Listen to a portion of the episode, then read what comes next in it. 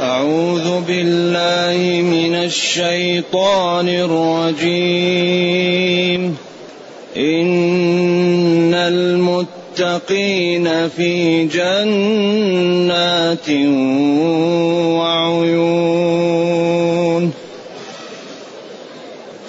ادخلوها بسلام آمنين.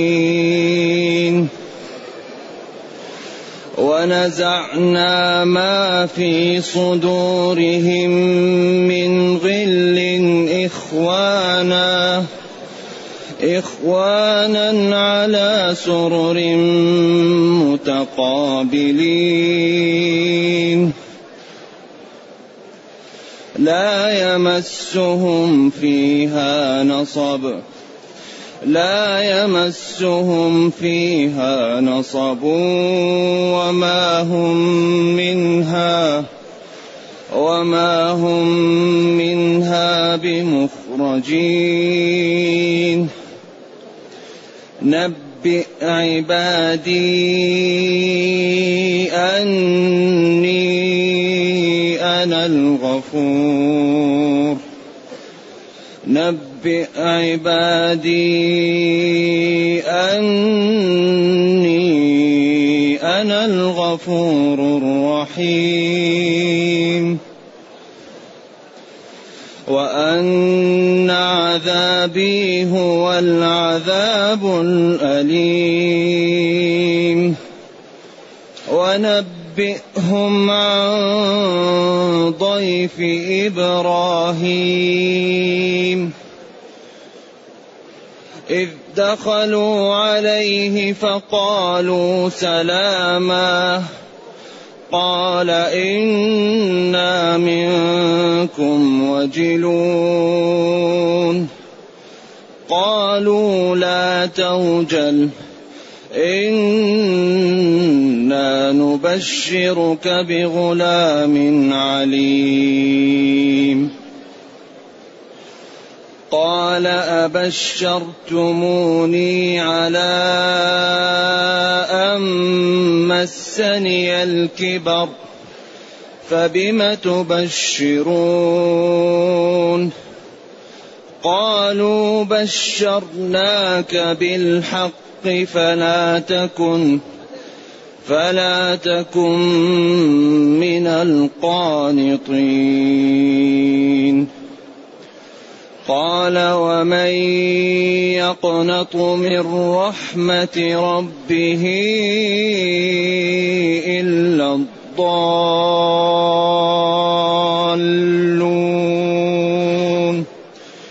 قال فما خطبكم أيها المرسلون؟ قالوا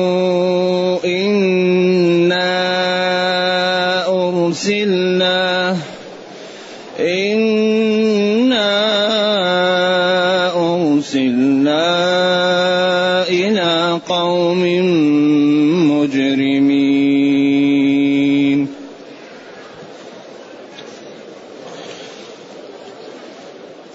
الحمد لله الذي أنزل إلينا أشمل الكتاب وأرسل إلينا أفضل الرسل وجعلنا خير أمة أخرجت للناس. فله الحمد وله الشكر على هذه النعم العظيمة والآلاء الجسيمة. والصلاة والسلام على خير خلق الله وعلى آله وأصحابه ومن اهتدى بهداه. ما بعد فإن الله تعالى لما, لما بين طريق الضالين وجزاءهم وخوف من الضلال وحذر بين هنا المتقين.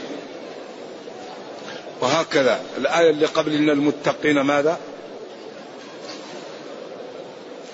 إن جهنم لموعدهم أجمعين. لها سبعة أبواب. لكل باب منهم جزء مقسوم. لكل جزء من النار جماعة من المجرمين. كل واحد نصيبه حظ مكتوب عليه. إذا بين أوصاف هذه الشريحة وبين مآلها وبين أسباب هلاكها. بين أوصافها وبين مآلها وبين أسباب هلاكها. حتى الإنسان إيش؟ حتى الإنسان يتجنب. وبعدين انتهى من هذه الشريحة وبدأ بطائفة أخرى من الناس. الله تعالى جعل لهم الحظوة والكرامة وهداهم ووفقهم فقال إن المتقين في جنات وعيون. إن توكيد. المتقين جمع متقي أصلها الموتقين وقع. ولذلك الفعل الذي يكون فاء حرف علة ولام حرف علة يبقى على حرف واحد. تقول وعاعي التقي قي. ولذلك لغزوا في قول ابن هشام في مغنيه إن هند المليحة الحسناء وأي من أضمرت لخل وفاء. إن هند المليحة الحسناء وأي وأي مفعول مطلق من إي أصلها إي بمعنى أوفي. فلما كان فعل أمر وجاءت هنون التوكيد فصار إن. هي أوفي لنا. ودخله الإعلان وأي مفعول مطلق منها. هند منادى المليحة وصف على المحل. لأن أيوة. وأي هي مفعول مطلق من إي. المهم هنا إن المتقين أصلها الموتقين. حصل فيه أيوة.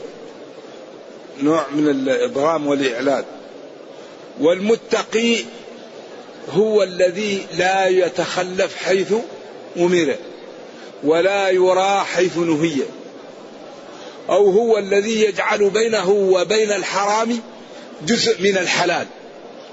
عشان إيش؟ عشان ما يقع في الحرام لأنه إذا أكل كل الحلال وصار قريب من الحرام قد يقع فيه كالراعي حول الحماء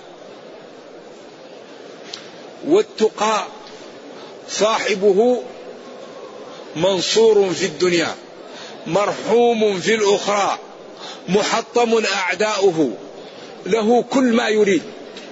المتقي كل ما يريد يراه. المتقي كل ما سأل ربه شيء أعطاه إياه لذلك لا يوجد شيء أعز ولا أنفع ولا أمتع ولا أجمل من التقى.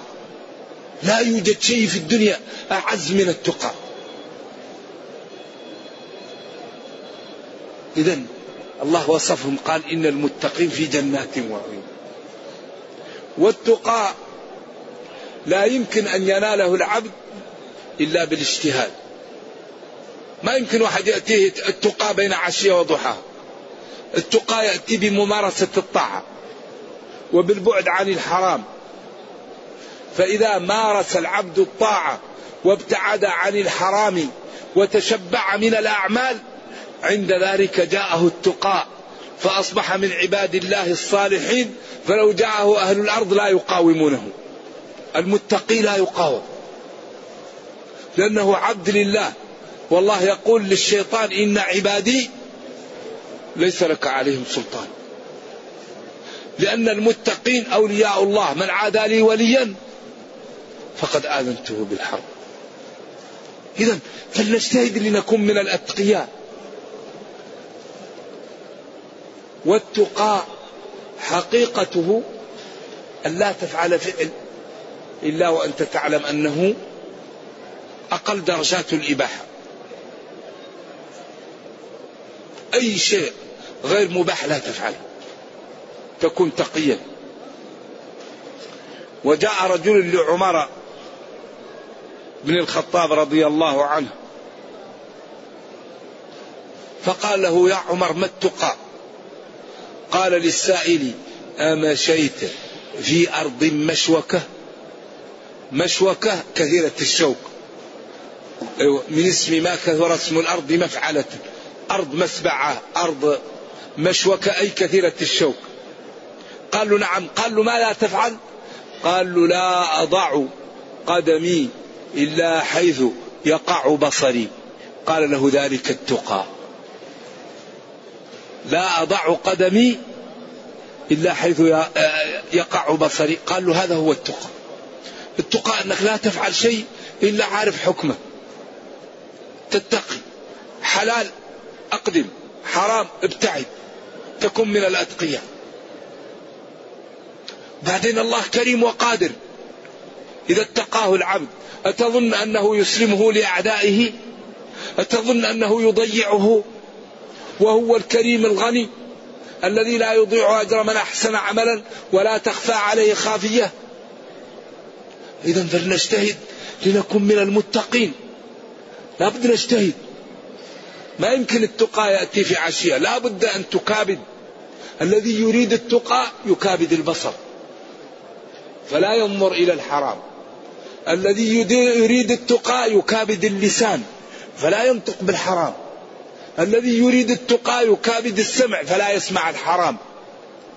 الذي يريد التقى يكابد القلب فلا يفكر في الحرام. فإذا اتخذ موارد العلم لشكر الله وامتلأ بالطاعات وتشبع منها أصبح من الأتقياء فواجد السعادة في الدنيا والرحمة في الأخرى والكرامة واللطف والحفظ وجاءته النصرة الغيبية وأصبح كل من خالطه يستفيد منه وكل من رآه يتمنى أن يكون مثله. إذا فلنكن من الأتقياء. إن المتقين إن توكيد المتقين جمع متقي في جنات. في داخلين في جنات. جمع جنة. والجنة البستان الذي فيه أشجار تستر. لا يقال للبستان جنة إلا إذا كان إذا دخله الإنسان لا يرى يستر أشجار كبيرة. يجن الداخل فيه يعني يغطيه جنات جنات من إيش؟ من نخيل وأعناب وزيتون ورمان مشتبه وغير متشابه. لما تراه تقول هذا الذي توج فإذا أكل فإذا هي طعمه مختلف. مشتبه في الألوان ومختلف في الطعوم.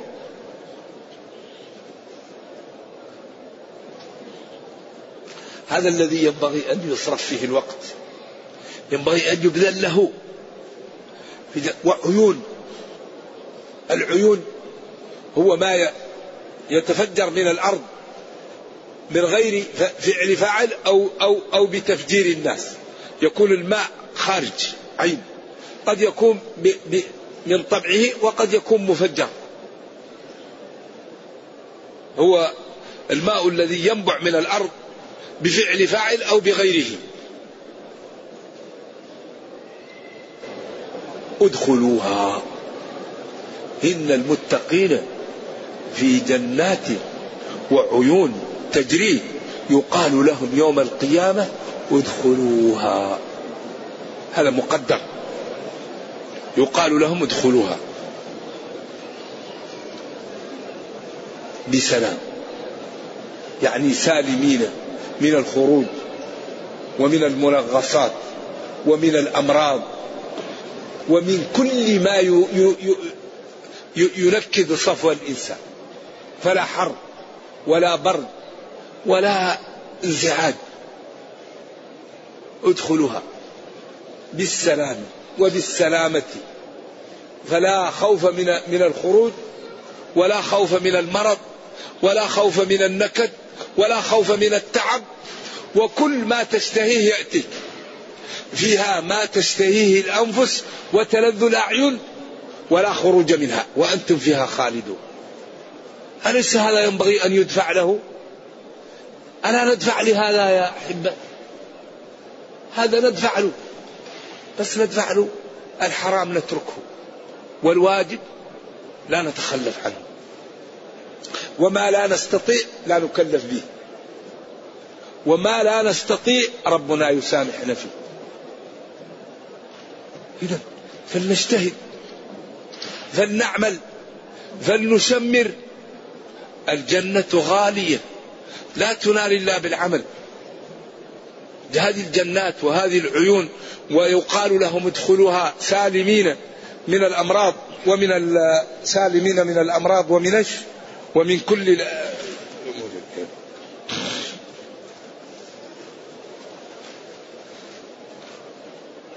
ومن المنغصات الوقت لا حر ولا برد الغصن إذا اشتهيت يأتيك الغصن.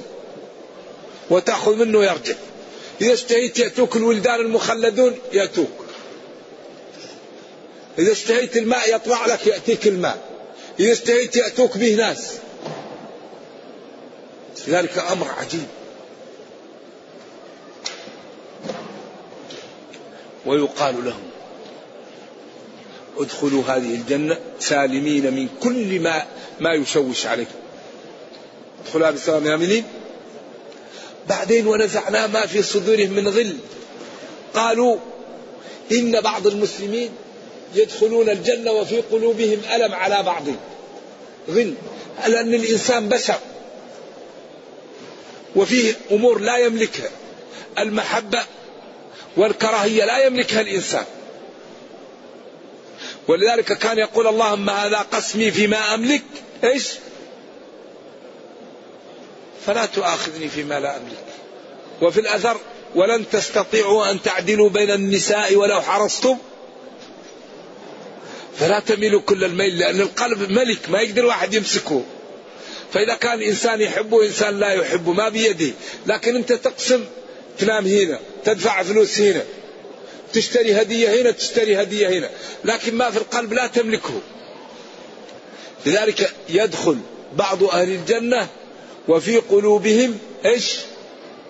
بعض على بعض فالله ينزع الغي إذا جاءوا للجنة نزع ما في صدورهم. ولذلك ورد عن علي في أثر يزول ما بيني وبين طلحة. ما أدري الأثر يعني قد لا يكون ثابتا. ثبوت محل نظر. لأن كان بينهم الصحابة كان بينهم شيء وأغلبوا على المصالح الدين. أيوة. واحد يرى شيء والثاني يرى شيء ويختلفوا على بعض المسائل لكن لا يكون خلاف في الغالب على الدنيا ولا على مصالح وإنما هو اختلاف وجهات نظر في أمور في الدين. نعم. إذا ونزعنا ما في صدورهم. كل المسلمين يدخلوا الجنة فإذا دخلها بعض في نفسه شيء على بعض الله يزيل ذلك.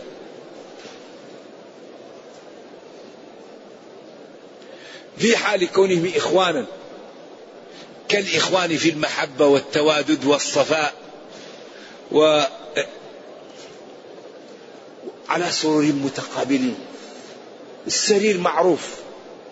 وهو المحل الذي يجلس عليه الوسيع. إذا تعب الإنسان يمكن ينقلب عليه وينام عليه. ما هو مثل الكرسي. السرير أوسع. متقابلين لأنه أهنأ للتحدث وللمتعة وللأخذ والعطاء.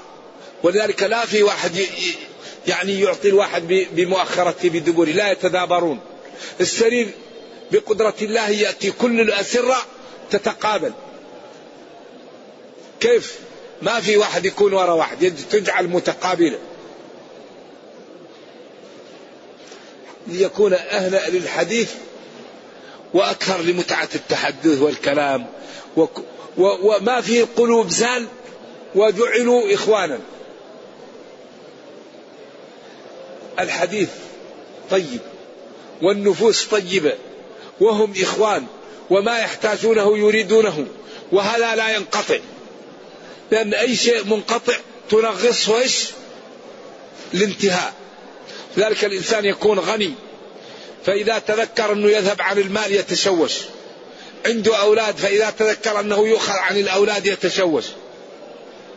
منقطع. لكن هذا ما يزول.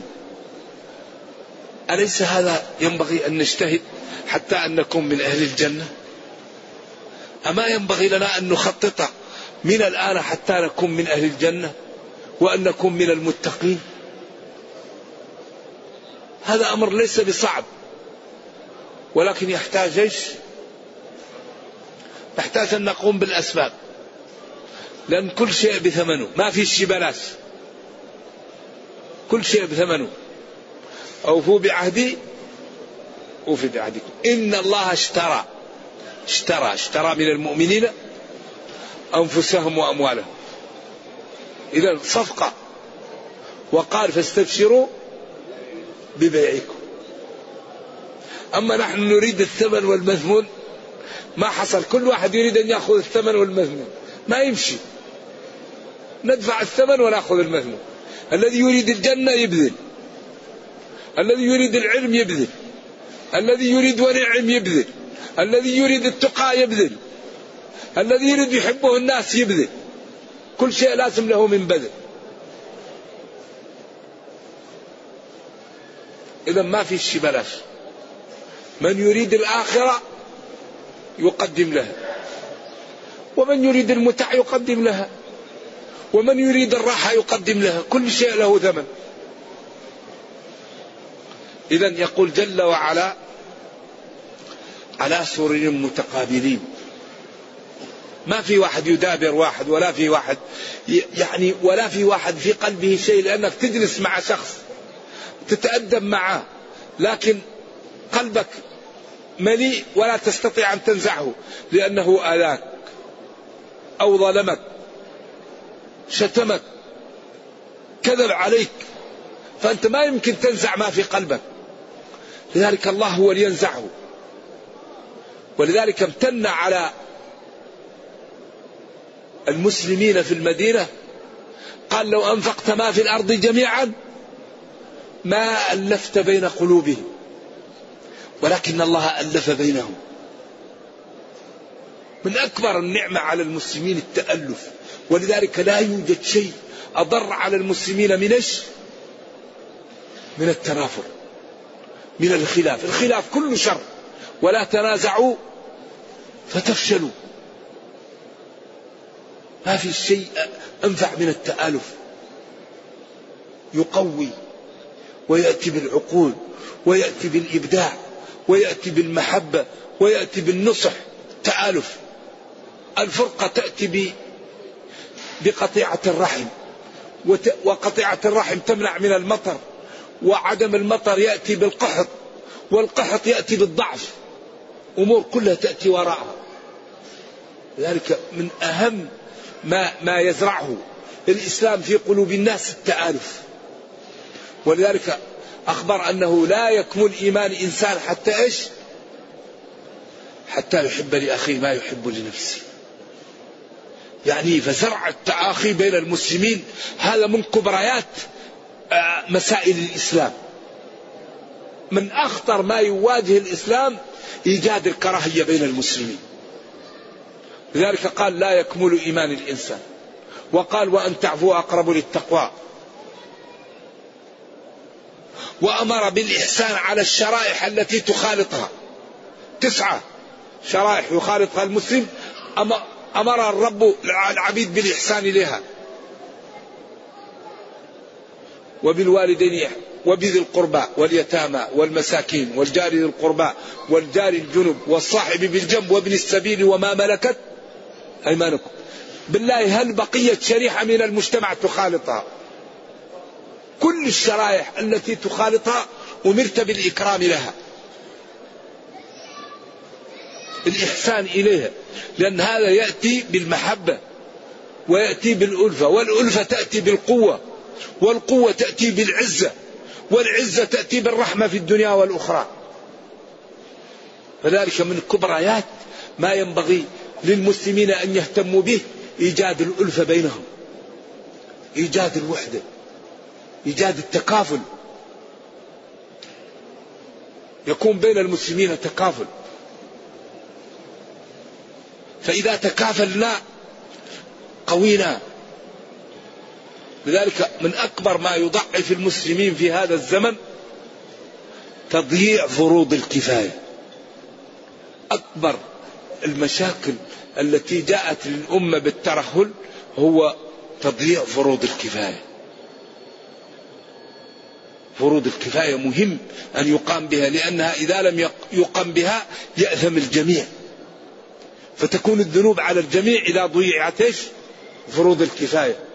فأهم شيء الآن يعتنوا به الفضلاء والشرفاء يعني كيف نسد للأمة فروض الكفاية المضيعة. هذا أمر مهم جدا. على سرور متقابلين أهل الجنة. لا يمسهم فيها نصب وما هم منها بمخرجين. الله أكبر. ما أجمل هذا وما أحسنه وما أبلغه. على سري شوف لاحظ أنك معك أصدقاء محل مريح. بعدين القلوب صافية. التحاب مثل الإخوان. ما في واحد يدابر الواحد كل واحد مقابل الثاني. وبعدين ما في تعب. ولا في خروج إذا أنس في أنس وكرامة في كرامة ومتعة في متعة أليس هذا ينبغي أن أن يبذل له؟ أليس هذا ينبغي أن أن نهتم به؟ لا يمسهم فيها نصب، النصب التعب وما هم منها بمخرجين. والله إن هذا لهي السعادة الحقيقية. إذا لا بد للعاقل من أن يعمل مع نفسه حساب ليكون من هذه الشريحة ولا يكن من الشرائح الماضية. الذين خوفوا بقولهم لها سبعة أبواب. وهذا يسير على من يسره الله عليه. أولا دعاء الله. دعاء. اللهم ثبت قلبي على دينك. اللهم اهدنا فيمن هديت. دعاء. ادعوني أستجب لكم. ثاني شيء القيام بالأسباب. ما ما ما ما ما أوجبه الله عليك تقوم به. وإذا قمت به الله لا يخلف الميعاد. قال أوفوا بعهدي. أوفي بعهدي. إن الله لا يخلف الميعاد. وأي شيء اضطررت له أبواب الأمام مفتحة. ولا يهلك على الله إلا هلك. أي شيء تحتاجه أبواب الأمام مفتحه وقد فصل لكم ما حرم عليكم إلا ما اضطررتم إليه. أي شيء تضطر له مسامح. دين يسر مسامح. الكذب الغش إلا من أكره وقلبه مطمئن بالإيمان. ولكن من شرح بالكفر صدرا لا هذا خطير. إذا ثم قال جل وعلا نبي عبادي. نبي أخبر. عبادي. الذين خلقتهم وأنعمت عليهم ودفعت عنهم. أني أنا الغفور الرحيم. وأن عذابي هو العذاب الأليم. أخبر عبادي خلقي. بقدرتي. وبعدلي وبأني أكرم المتقي وأعاقب المجرم وكل إنسان يرى المحل الذي يكون فيه ويقع فيه ولكن لا يلومن إلا نفسه. والله لا عذر بعد هذا البيان. أخبر نبه النبأ الخبر الذي له شأن. عبادي الذي الذين خلقتهم. ورزقتهم ودفعت عنهم وغذيتهم من نطفة لعلقة لمضغة حتى صار خلقا آخر. ثم أمتهم ثم بعثتهم. نبئ هؤلاء أن الله تعالى هو الغفور كثير المغفرة لعباده. الرحيم بهم لمن؟ لمن تاب وأناب واستقام وعمل بالطاعات. ونهى النفس عن الهوى. وصلى وصام وتصدق وأكرم الضعاف وبر بوالديه ولم يظلم جيرانه ولم يرابي ولم يغش ولم يعمل الفواحش. نبئ الذين استقاموا ونابوا وطاعوا أن ربهم الغفور كثير المغفرة كثير الرحمة بعباده. ونبئ الذين انحرفوا وعصوا ولم يمتثلوا أوامر الله وكفروا به وجحدوا نعمه وأن عذابه هو العذاب الأليم الموجع الذي يصل, يصل وجعه إلى قلوبهم. عياذا بالله. يجعل الجلد يعني سمك كبير ليتجرع أكثر شيء من من العقوبة. الخلية تكون مثل الجبل. ضرس الكافر في جهنم مثل جبل أحد. تجعل الخلية كبيرة حتى كل جزئية منها تنال العقوبة. ولذلك كل من حرقت الجلود بدلوا جلود لأن أغلب الألم في الجلد. ولذلك قال بدل كلما نضجت جلودهم هذا إعجاز. إعجاز قرآني. بدلناهم جلودا غيرها. حتى يتجرعوا الألم الشديد. أبعد هذا. ينهمك المسلم في المعاصي. أبعد هذا يتكاسل المسلم عن الواجب. أين العقول؟ أين الحزم؟ أين الرجولة؟ أين المروءة؟ أين الشهامة؟ يعني من عمل لكم معروفا إيش؟ فكافئوا الله كل ما عندك من الله وطالبك بما تستطيع وسامحك فيما لا تستطيع. وإن ترك ركبت معصية وتبت مساحها عنك والحسنة بعشر أمثالها. فينبغي لنا أن نتجمل بالدين. أهم شيء أن المسلم يتجمل بالدين. كيف المسلم لا يتجمل بالدين؟ كيف المسلم يستحي أن يكون تقيا؟ كيف المسلم أن يستحي أن يكون يتبع النبي صلى الله عليه وسلم في هديه وفي سمته وفي سلوكه؟ الله أكرمنا بأننا مسلمين والمسلم لا ينجس وربنا يقول في محكم كتابه إنما المشركون نجس. كيف المسلم يتجمل بأن يكون نجس؟ لا بد أن نستعمل عقولنا. المسلم لا يتشبه بالكفار المسلم لا يتشبه بالأنجاس المسلم يعتز بإسلامه. لا يوجد إنسان أفضل من النبي صلى الله عليه وسلم. وهو قدوتنا. وقد قال الله لنا لقد كان لكم في رسول الله أسوة حسنة. لأنه صلوات الله وسلامه عليه أكرم الناس وأشجع الناس وأحلم الناس وأعلم الناس وأفضل الناس وأجمل الناس وأكثر الناس. صبر على آلاء الآخرين. صلوات الله وسلامه عليه. فالذي يريد أن يجعل إنسان قدوة له يجعل نبينا صلى الله عليه وسلم قدوة له. أما مسلم أكرمه الله بالإسلام وبالقرآن وبالفهم يكون يتجمل أن يكون مثل الكفار. هذا طمس بصيرة نرجو الله تعالى أن لا يطمس بصائرنا. ولا بد للمسلم أن يتجمل بالإسلام. وقال إنني من المسلمين. المسلم يدعو إلى الله ويعمل صالحا ويقول أنا مسلم. ويدعو الناس بأخلاقه وصدقه وفضله وتواضعه وشجاعته وعدم تهوره ولا انبطاحه. يكون معتدل. المسلم لا يوجد مثله. فالمسلم يتجمل بالإسلام يتجمل بالتقاء يتجمل بالقرآن يتجمل بالصدق بالإيثار بأعمال الخير بالبر. وثقوا تماما أن الله تعالى لا يضيع أجر من أحسن عملا ولينصرن الله من ينصر والدنيا خطر. الدنيا خطر. الدنيا خطر. متاع الغرور. وما الحياة الدنيا إلا متاع الغرور. قال تعالى فمن زحزح عن النار وأدخل الجنة فقد فاز. وما الحياة الدنيا إلا متاع الغرور. اتقوا الدنيا. ولذا الإنسان يأخذ منها على قدر ما يصب ويسدد ويقارب. بعدين هذه يعني موضع جديد. نرجو الله جل وعلا أن يرينا الحق حقا.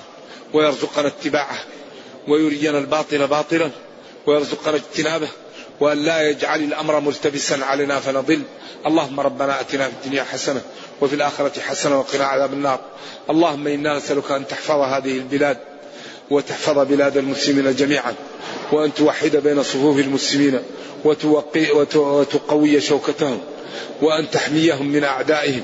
اللهم إنا نسألك الجنة اللهم إنا نسألك الجنة ونعوذ بك من النار. سبحان ربك رب العزة عما يصفون وسلام على المرسلين والحمد لله رب العالمين والسلام عليكم ورحمة الله وبركاته. يقول هذا رجل يسافر ويجد في المسجد في الطريق جماعة ويصلي معهم ولا يدري هل يتمون أو يقصرون وفي النهاية يجعلهم يتمون. فما الذي يفعل؟ الإنسان إذا كان مسافرا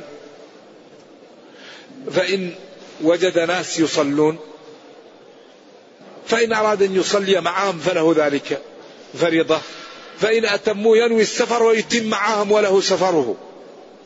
أو الذي يصلي بالإمام لا ينفلت عنه. الذي يقول إن المأموم ينفلت عن الإمام هذا القول مرجوح.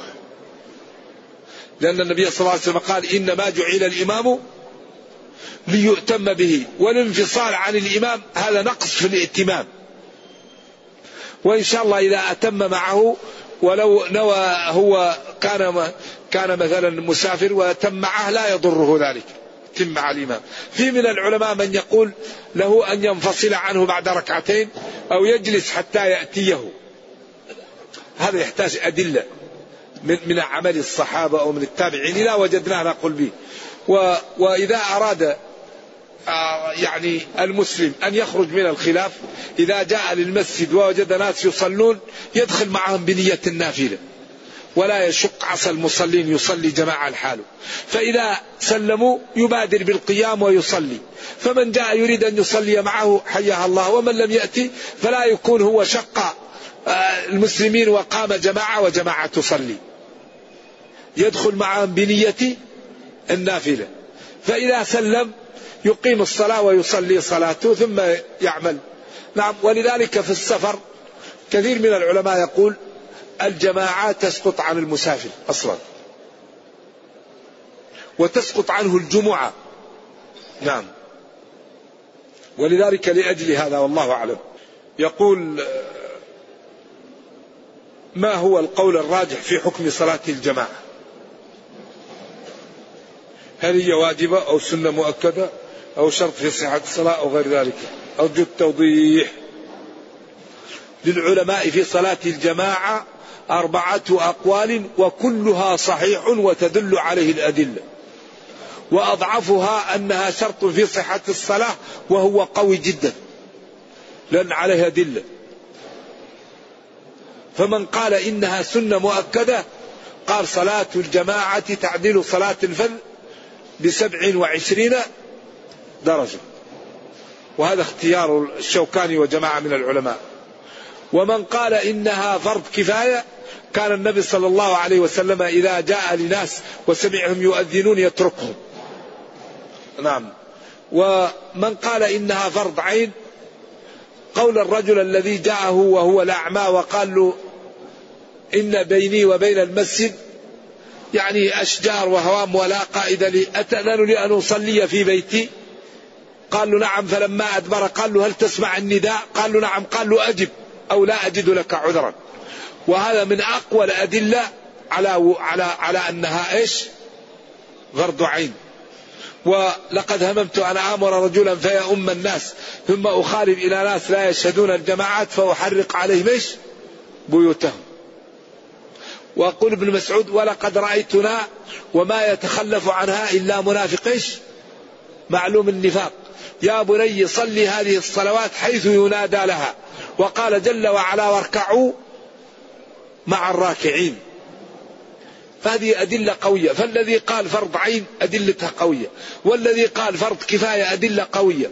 والذي قال سنة مؤكدة فرض أدلة قوية. والذي قال شرط في صحة الصلاة أدلة قوية. ولطالب العلم أن يختار ما يحلو له ويرفق بالمخالف. أما الذين اختار أنا يعني قوله لا أجد لك عذرا هذا واضح في الفرضية لا أجد لك عذرا أعمى ولا قائد له. قالوا أتأذن لي؟ قال لا أجد لك عذرا. لكن صلاة الجماعة تعدل صلاة الفذ بسبع وعشرين يعني هذا أيضا قوي جدا هذا. فالإنسان يرجع إلى ال إلى ال إلى ال الباب في الفقه المقارن. نيل الأوطار المغني شرح المجموع شرح المهذب للنووي وكتاب ابن عبد البر الاستذكار والمطولات وينظر في الأدلة والذي يراه يفعل به ويرفق بالمخالف. والجنة أبوابها كم؟ ثمانية. لا لا تضيقوا واسعا هذه أقوال وكلها عليها أدلة وكل قوي وكل واحد أداه اجتهاد شيء إن شاء الله مأجور. لا تضيقوا واسعا نعم. حديث من سمع النداء فلم يجب فلا صلاة له إلا من عذر. هذا لو صح كان قطعا حتم للوجوب هذا إذا صح.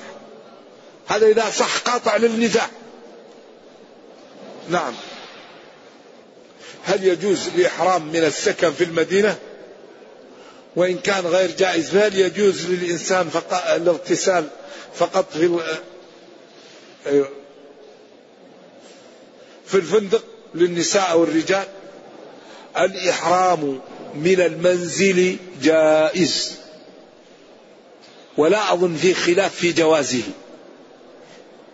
لكن الإحرام من الميقات عند الجمهور أفضل. فالذي بيته في المدينة هنا ويريد أن يحج يجوز أن يحرم من بيته عند أقوال المحققين. لكن الخلاف في الأفضلية هل الأفضل يحرم من الميقات أو يحرم من بيته؟ لأن هذه المواقيت لا يتعداها إنسان يريد الحج إلا وهو محرم. هن لهن ولمن أتى عليهن من غير أهلهن ممن أراد الحج أو العمرة. أما الذي يريد أن يزيد بعض الصحابة أحرم من بيت المقدس. أيوة، فما في شيء إذا أحرم قبل المواقيت. لكن هذه رخص وأن الإنسان يحرم من هذا المحل ففعله أفضل. كون أنه يحرم من الميقات أفضل. أما إذا أحرم من قبلها فهذا جائز. أما كونه يغتسل في المنزل أو يلبس الإحرامات هذا لا شيء فيه. وإنما عقد نية الإحرام من الميقات أفضل لأن النبي صلى الله عليه وسلم مشى من المدينة وبات في ذي الحليفة وأحرم منها وقال لتأخذوا عني مناسككم. لكن هو إذا أحرم قبل الميقات هذه عبادة عملها مباحة لكن الأفضل أن يقوم بها من المحل. نعم. ما حكم تعليق أو وضع كلمة طيبة في السيارات أو الدكان؟ وهل العين لمن يقول ما شاء الله تبارك الله من أمور هذا الدين أو لا أصل له؟ لا ما شاء الله لا قوة إلا بالله هذا من الدين. ومن أعجبه شيء في نفسه أو ولده أو ماله أو في المسلمين فليقل ما شاء الله لا إله لا قوة إلا بالله. بارك الله فيه ويذكر الله. لأن العين حق. لو كان شيء سابق القدر لسبقته العين. تدخل الرجل القبر والجمال القدر. ولذلك ينبغي للمسلم أن يتقي الله. ولا يصيب الناس بعينه فيذكر الله ويستغفر ولا وإذا أعجبه شيء من نفسه أو ولده أو ماله أو في الآخرين فليبارك وليذكر الله. أما قضية أنه يعلق شيء لأجل العين. لا لا ينفع ولا يضر إلا الله إلا القرآن. القرآن شفاء لأنه كلام الله وننزل من القرآن ما هو شفاء. أما غير القرآن من من الأشياء أو من لا يعمل إلا القرآن أو الأدعية الواردة. وغير هذا لا يعمله الإنسان وما ورد أنه يدعى به يدعو به. يقول ما حكم الزواج من بنت أخت الزوجة؟ هذا لا ينبغي. خالة الزوجة وعمتها واختها هذا مصرح به. ابن الأخت قريب هذا ما أيوه. أيوه. تكون خالتها ما يصلح. لا تجمع الأمر المرأة بين عمتها وخالتها ولا بين الأختين. لأن هذا المحارم إذا تزوجها مظنة للقطيعة. ولذلك قال العلماء يجب صلة المحارم بالنسب. كل المحارم بالنسب هذا واجب صلته. بدليل جواز الجمع بين بنتي العم وبنتي الخال. والجمع بين الضرتين مظنة للقطيعة. لكن الأخت الأختين والخالة والعمة حرم الجمع بينهم لأنهم محارم بالنسب. فلذلك قالوا المحارم بالنسب واجب صلتهم والأبعد مطلوب بصلته. ما هي فروض الكفاية التي لا بد من القيام بها؟ أن لا يحتاج المسلمون لأطباء من الكفار. أن لا يحتاجوا لمهندسين من الكفار. أن لا يحتاجوا لفيزيائيين من الكفار. أن لا يحتاجوا لمعدات من الكفار. يكون كل شيء عندهم لهم. كل شيء تحتاجه الأمة فرض كفاية. فينبغي للمسلمين أن يسدوه ولا يحتاجوا الكفار فيه. يقول للحافظ بن عبد البر كتابان الاستذكار والتمهيد. فما الفرق بينهما؟ الاستذكار في مذاهب الأمصار والتمهيد في الفقه وفي علل الحديث. فالتمهيد كتاب قوي في استخراج الأحكام وفي علل الحديث وهو كتاب عميق جدا. والاستذكار في مذاهب الأمصار أقوال الصحابة والتابعين وأتباعهم وخلاف الأئمة في المسائل. وهم يكملان بعض. وهما من أنفع شروح الموطأ ومن أدق شروح الموطأ وأكثرها فقها ولغة وقواعد فقهية وقواعد أصولية المنتقى للباجي ويحتاج إلى إلى عمل الحقيقة. وهو من الكتب المهمة جدا. ونرجو الله جل وعلا أن يغفر لنا ولهم ويجزيهم عنا خير الجزاء.